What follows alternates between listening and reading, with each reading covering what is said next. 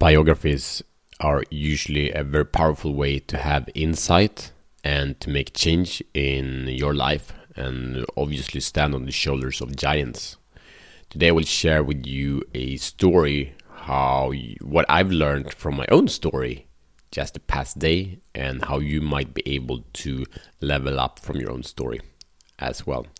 Welcome to Show the Fuck Up podcast. My name is Matt Fyron, and this show is for men that are ready to free themselves from the prison of playing small and unleash their personal greatness.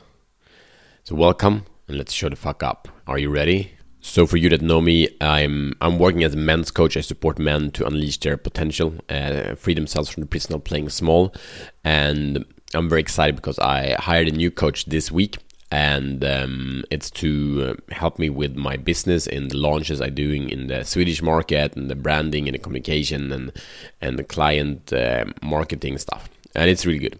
And one of the first exercises I got was to make uh, my life story, to share my life story, to record my life story, and listen back to it. And it's been really powerful. And and the, one of the points was to, to harvest some some themes out of the, my life story. And one of these things, I, I, so I began at the, at the beginning of my birth and told everything. And of course, as it is in, in any man's life story, there have been many pivotal points.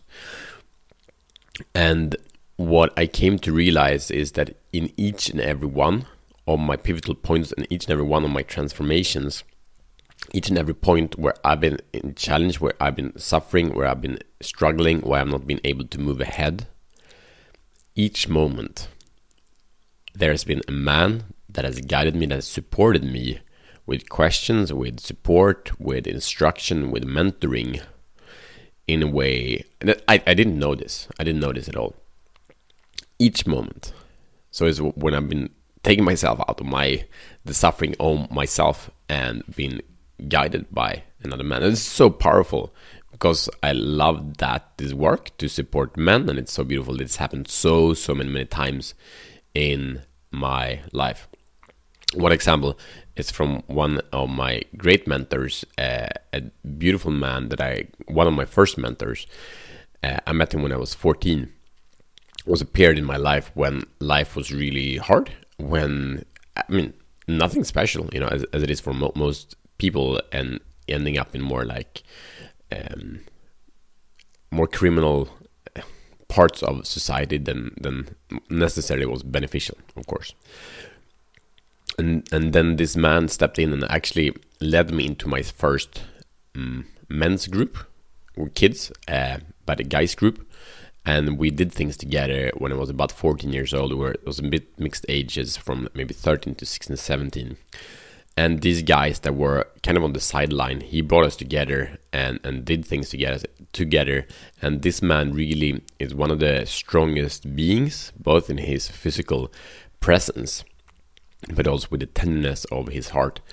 And he guided me to see that there was a different way to relate to myself and different way to relate to these other guys that kind of seemed scary because they were so aggressive.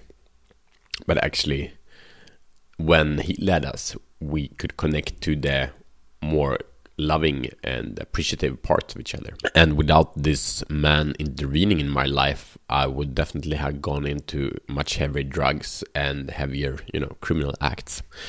And and then again, I can see these points happening over and over and over again, and it's so beautiful because I see here, okay, this is why I do what I do. This is why I see the value of men. This is why I see the value of supporting men. This is why I continue to reach out to men to be supported by them, because then is that's when when uh, things are leveling up. That's when things are happening. And on the other side, um, I've seen also in this story that there's so many times where I've been stuck for such a long time, and it's always because I've been trying too much on my own. I've been putting all the effort in, been doing my best, but been not been able to integrate external thoughts, patterns, systems, frameworks into my being, into my habits, and that is really what's been holding me back. So my question to you and the mission, should you choose to accept it, is to check in. What has taken you from the journey of your life? What has made the difference uh, when the moment when you've been leveling up in your life? What are those moments? and what are the um, the, the people, places, or circumstances that have been repeating to provide you with positive transformation in your life. That's it. Share this episode with a man that is ready to transform, that want to find his way how he can transform.